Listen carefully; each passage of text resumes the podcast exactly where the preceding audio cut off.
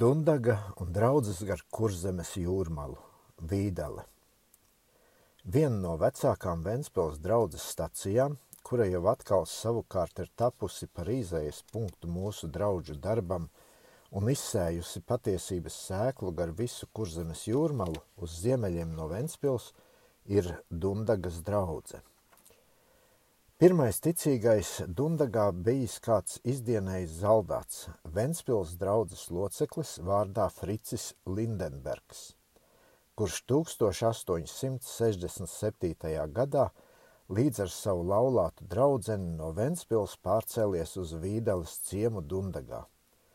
Dzīvojot savā dzimtenes ciemā, bet tomēr starp ļaudīm, kam svešs viss tas, kas Lindenbergam – bija dārgs un cienījams, Lindenbergs ar dzīvi un vārdiem nodevis liecību par savu kungu un pestītāju. Bet drīz vien Lindenbergi nebija vieni. Pirmie, kas ar nopietnību uzklausījās šo patiesības liecinieku un pārliecinājušies par patiesību, uzņēma šauro ceļu, bija Lindenberga brālis Krists un kāds Landmanis, Zutenu māju saimnieks. Piltenes brāļi, dabūjuši zināt par vientuļo ticīgajo pulciņu Dundagā, atsūtīja šurp dulli, lai tas tos apmeklētu un stiprinātu. Dullis noturēja Vīdeles ciemā vairāki, vairākas labi apmeklētas sapulces un vispār tapa no vietējiem iedzīvotājiem laipni saņemts.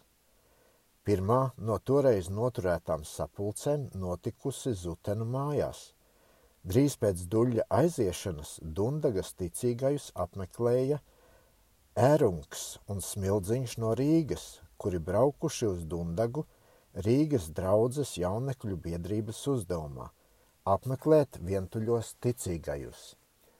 Arī šie brāļi noturējuši sapulces un visur tapuši ar prieku uzņemti. Lai gan pirmās sapulces Vīdalē atrada piekrišanu, tomēr pagāja vairāki gadi – un nekāda pamošanās starp vietējiem iedzīvotājiem nebija nomanāma.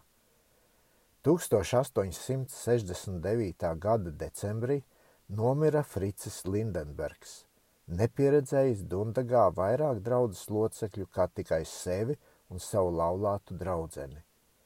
Viņa pamodinātais brālis Krists tapa kristīts tikai 1871. gadā augustā Ventspilī. Īsta garīga kustība izcēlās Vīdavas ciemā un tā apkārtnē līdz ar 1871. gadu, kad uz ģipkas robežsargu kardonu tapa pārcelts robežsargu zaldāts Jānis Žiba. Minētais zaldāts ticis pamodināts no Rīgas brāļiem, kas apmeklējuši Dundagu. Pēc tam tas no savas priekšniecības uz kādu laiku pārcelts uz Liepāju – kur arī piedalījies pie draudzes. Tas 1871. gadā atgriezies atpakaļ uz Dundagu un iesācis tur rosīgu darbību. Lai gan būdams dienestā, tomēr žiba atradis laika dažādās vietās, kur tas tapis uzņemts, noturēt sapulcītes un nodot liecību par savu kungu. Vietējiem mācītājiem tas ļoti nav bijis paprātam. Tie sūdzējušies par žibas darbību pie vietējā robežsargu virsnieka un pie Ventspils pilstiesas un beidzot panākuši, ka žiba aizcelts uz drusku attālāku vietu. Toreizējais Dundagas mācītājs, būdams ļoti nīgrs uz baptistiem, gādājis, ka no pagasta valdes visiem saimniekiem aizliegts savās mājās pieturēt baptistus. Nepaklausīgie sodīti ar naudas sodu vai cietumu. Vietējā policija ļāvusies no mācītāja pilnīgi vadīties un cieši uz to raudzījusies, ka nekur nenotiek sapulces.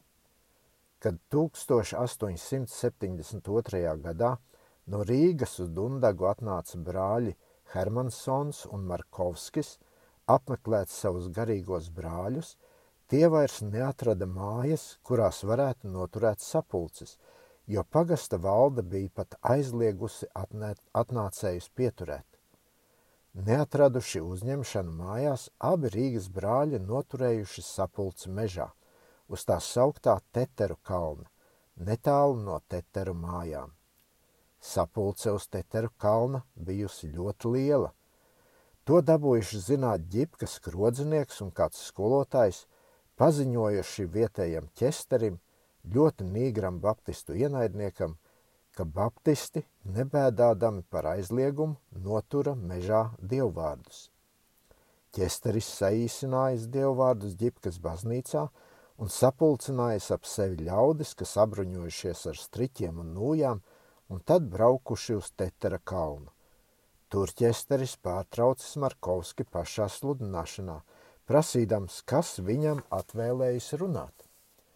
Markovskis lūdzis, lai tam pa priekš ļaujot nobeigt savus dievvvārdus, bet tas nav ticis ievērots. Ķesteris gan pavēlējis atnācējus rīzniekus siet un vest uz tuvāko policijas vietu, bet neviens tam nav gribējis paklausīt. Arī negadījies saimnieks, kas svētdienas dienā vestu apcietinātos uz policiju. Naktī abiem brāļiem atļauts pavadīt turpat teteru mājās, un pirmdienas rītā tos meģņu saimnieks aizvedis uz muižas policiju, kur tie ielikti cietumā un tad pēc dažām dienām pa etapu aizsūtīti uz Ventspili, kur tie paturēti cietumā divas nedēļas un tad no pilstiesas izklaušanāti un atlaisti. Kad abi arestētie vesti no Dundagas projām, daudzi no vietējiem iedzīvotājiem sapulcējušies ap apcietinātiem un tos izvadījuši asarām acīs.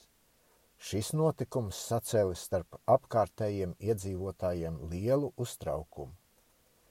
Kamēr vēl abi Rīgas brāļi atradušies Ventspils cietumā, Ventspilī ieradies Zaltsmanis no Dundagas un tur ticis 22. martā kristīts atklātā jūrā no Jankovska.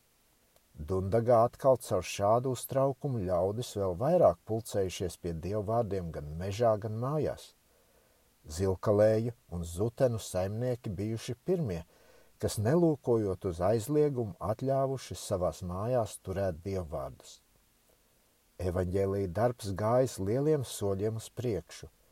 Tā paša gada 22. maijā uz Vents, Ventspili atbrauca četri dundadznieki – Bergs, Maķevits, Eda Kirsteina un Kate Peļķmana un tapa tur no draudzes kopā, kopējas sīmaņa kristīti.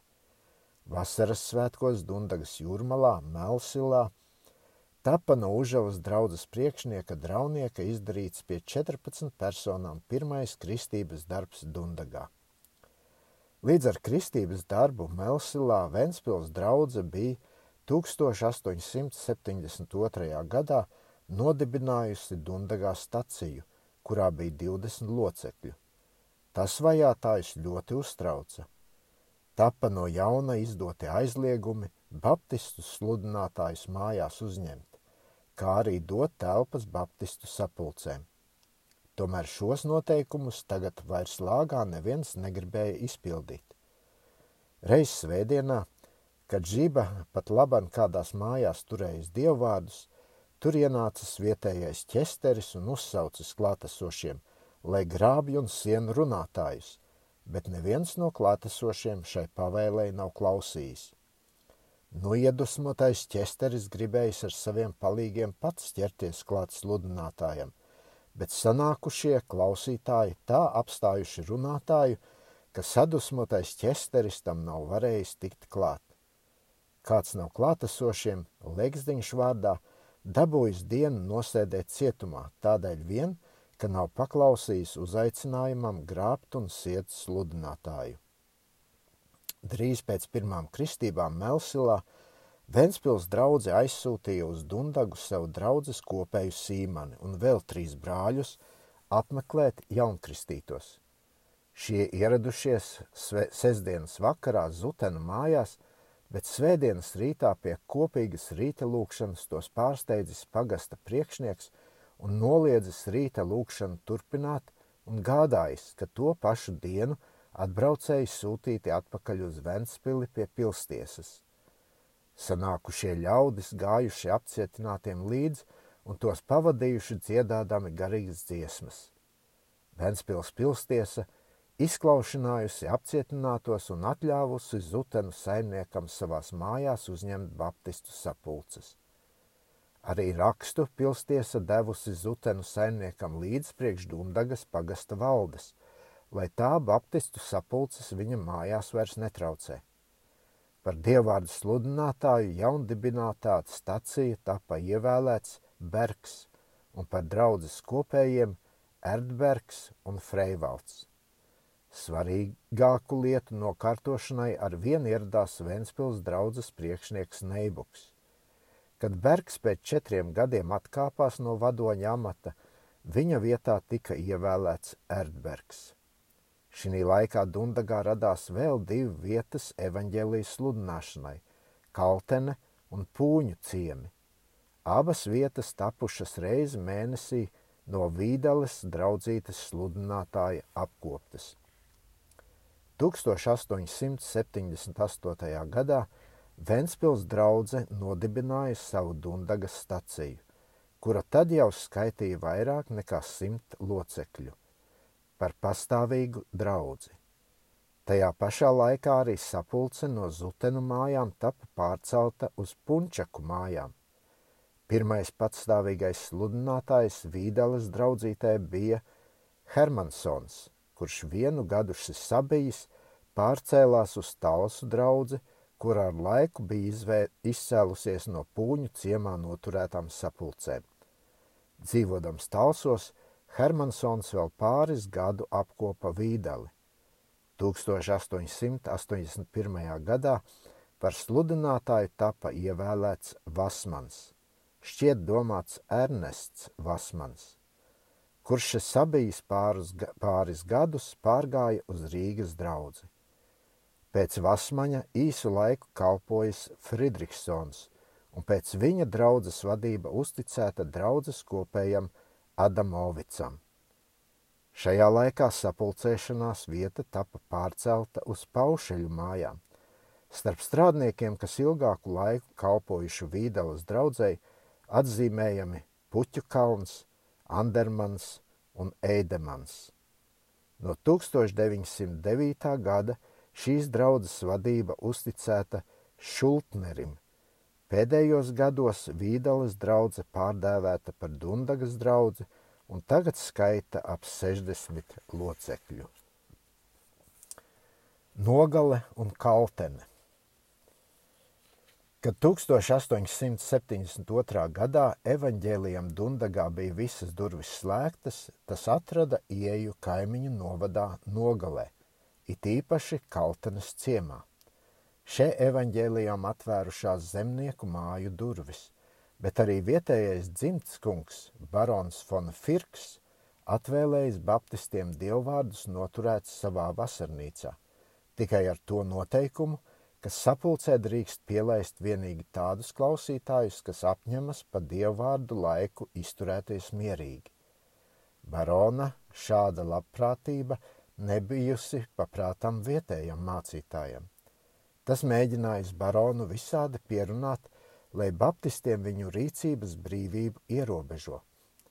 Baptisti esot par postu luterāņu baznīcai, arī valdībai tie nesot pa prātam – Tāpēc tā arī nedodot tiem nekādas tiesības, teicis mācītājs baronam.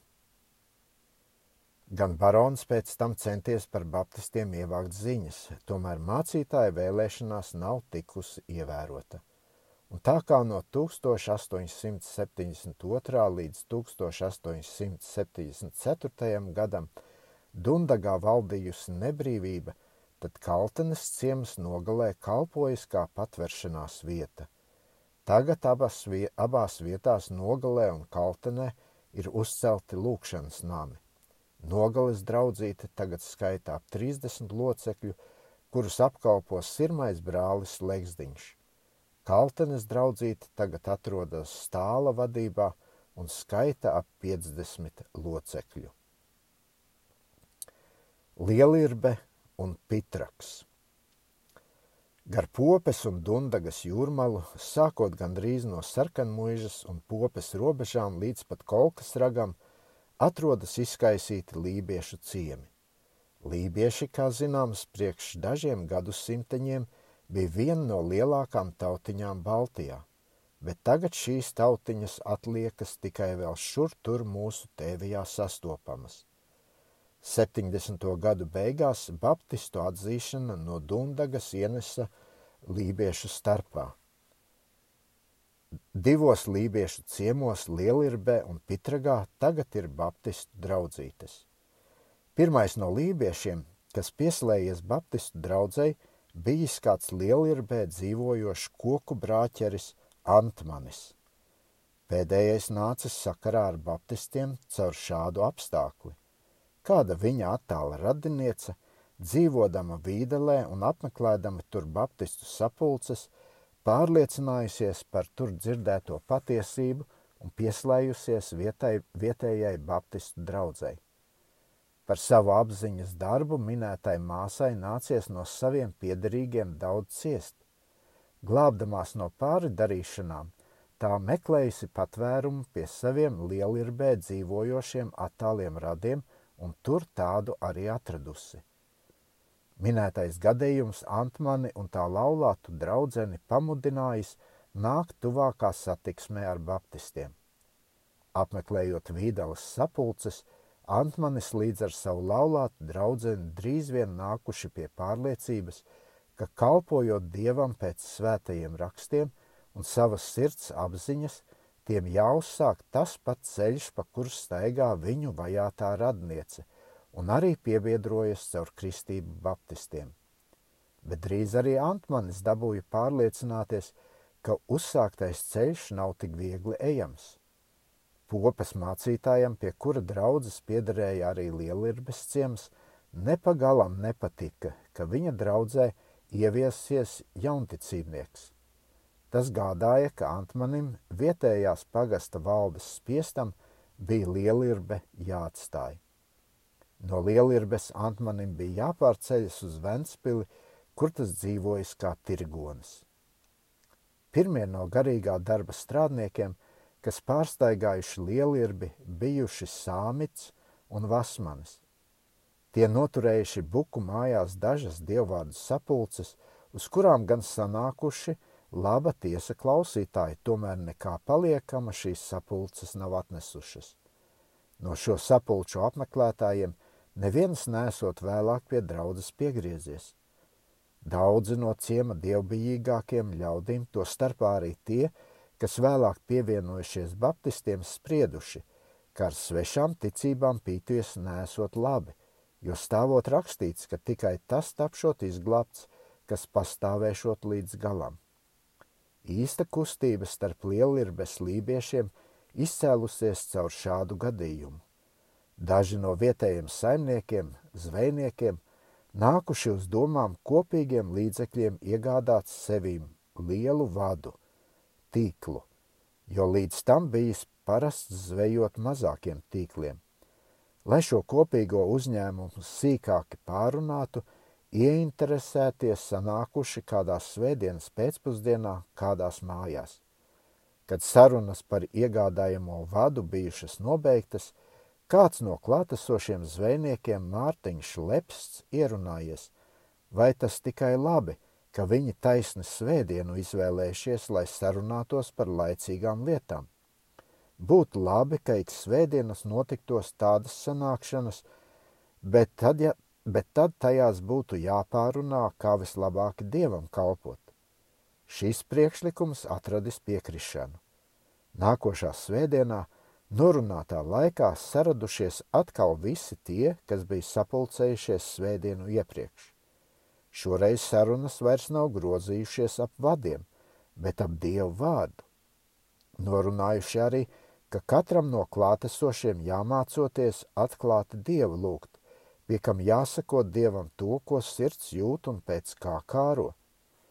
Pie šīm sarunām arī piedalījušās sievietes, bet pēdējās esot kautrējušās lūgt, aizbildinādamās, ka tik daudz latviski nemākot. Tad klātesošie vienojušies lūkšanas ziņā katram atstāt brīvību lūgt vai nu latviski vai lībiski. Šādas dievvvārdu sapulces lielirbē turpinājušās ilgāku laiku, pie kam nevienam no klātesošiem nesot nācis prātā savu ticību atstāt, gribējuši tikai savā ticībā dievam labāk kalpot nekā līdz šim. Reiz jau pieminētam, Lepstam gadījies braukt uz Ventspilī tirgu. Pie tā pašas reizes tas arī apmeklējis Antmaņa tirgotavu, tur iepir, lai tur iepirktos. Bijis jau vakars, un Antmanis piedāvājis Lepstam, kā jau sava pagasta un ciema cilvēkam naktsmājas. Pavadot rītu un vakaru laipnajā ģimenē, iebraucējam gadījies būt klāt pie ģimenes rīta lūkšanas. Nopietnība un sirsnība, kas valdījusi pie lūkšanas, un it īpaši Antmaņa mazās meitiņas lūkšana tā aizkustinājusi patiesības meklētājas sirdi, ka tas vairs nevarējis vienaldzīgi nolūkoties uz baptistiem. Mājās braucot lepsts pārdomājis piedzīvoto un ar vienu vairāk tam sirdī nostiprinājusies pārliecība, ka tas ceļš, pēc kura viņš ar saviem biedriem meklē, būs vien tas pats, kuru staigā līdz šim no viņa nepazītie un nicinātie baptisti. Mājās pārbraucis, lepsts stāstījis saviem biedriem – ka Ventspilī būdams nu reiz atradis ļaudis, kas no visas sirds kalpo dievam, bet tomēr kautrējies teikt, kas šie ir par ļaudīm, jo no baptistiem viņa biedri nekā negribējuši zināt. Ap to pašu laiku lielirbi apmeklējis un tur sapulces noturējis kāds ticīgs jūts, Zaks vārdā, kas pat laban atradās Baltijas Baptistu sabiedrības dienestā, kā apkārt ceļojošs evaņģēlists. Zaks savā darbībā pa jūrmalas ciemiem ticis no vietējiem, pa, vietējām pagastu valdēm ļoti vajāts. Vairāk reizes tā sapulces pārtraucis pagasta priekšnieks un taisījies to siet un vest projām, bet tā kā ļaudis ar vienu bijuši zaksa pusē, tad tam tomēr nekas ļauns nav nodarīts. Šis evaņģēlists caur savām sapulcēm – Jaunciemā izdarījis lielus sakustinājumus. Jāpiezīmē, ka Jaunciemā jau tolaik bijuši daži locekļi, kas piederējuši pie Vīdales draudzes Dundagā, pie kuriem tad arī noturētas sapulces. Uz šīm sapulcēm arī ieraduši atnākuši lielirbes patiesības meklētāji. Tur dzirdētais vārds daudzus no tiem ļoti satriecis ka tie nākošos svētdienus sanākuši uz savām parastām dievvvārdu apcerēšanas sapulcēm, tad no mierīgas apcerēšanas nesot nekas iznācis. Visi bijuši pārņemti no savādām bailēm, krituši ceļos un saukuši uz Dievu pēc vairāk garīgas gaismas saprast viņa prātu. Pēc šīm sapulcēm daudzi pārliecinājušies par bībelīgo patiesību un izteikuši vēlēšanos pievienoties Baptistu draudzēji. Tiklīdz par to dabūjuši zināt vietējā pagasta valde, tā likusi cieši uzraudzīt jūrmalu un ezermalu, ka tikai tur nenotiktu kristības. Tāpēc arī pirmie lielirbes draudzes locekļi, starp kuriem arī bija Mārtiņš Lepsts, kristīti Ventspilī. Pirmā sapulces vieta Lielirbē bijusi lakstu mājas, un no turienes tā pārcelta uz Beltēm. Starp pirmiem, pirmiem strādniekiem, kas apkopuši Lielirbes brāļus, minami Neibuks un Rīs. Ar 1890. gadu nodibinājās draudzīta citā lībiešu ciemā, Pitragā. Galvenākie darbinieki pie šīs draudzītes apstiprināšanas bijuši Rotenbirgs un Kūra. Jau līdz ar draudzes nodibināšanu Lielirbē radušies arī locekļi apkārtējos ciemos, tā Pitragā un Mazirbē. Sākumā gribējuši izbrīvēt sapulces vietu Mazirbē, bet tas nav izdevies. Jo tur bijusi pareizticīgo baznīcas misionas stacija tad lūguši pēc atļaujas noturēt kārtīgas sapulces Pitraga ciemā, aprādīdami, ka ceļš uz Vīdali un Lielirbi dažos gadu laikos ir pārāk slikts. To ievērojama valdība arī devusi 1895. gadā atļauju noturēt minētā ciemā sapulces. 1902. gadā kāds Pitragā, Pitraga draudzes loceklis Otmans ar saviem līdzekļiem savā dzimtenes ciemā Pitragā licis uzcelt lūkšanas namu. Starp Pitraga draudzes pēdējā laika vadītājiem piemināms nelaiķis Eidemans, kura darbības laikā locekļu skaits Pitragas draudzītē stipri pieaudzis. Tagad Pitraga draudzīte skaita pāri par simt locekļu un atrodas sludinātāja Puķu kalna vadībā.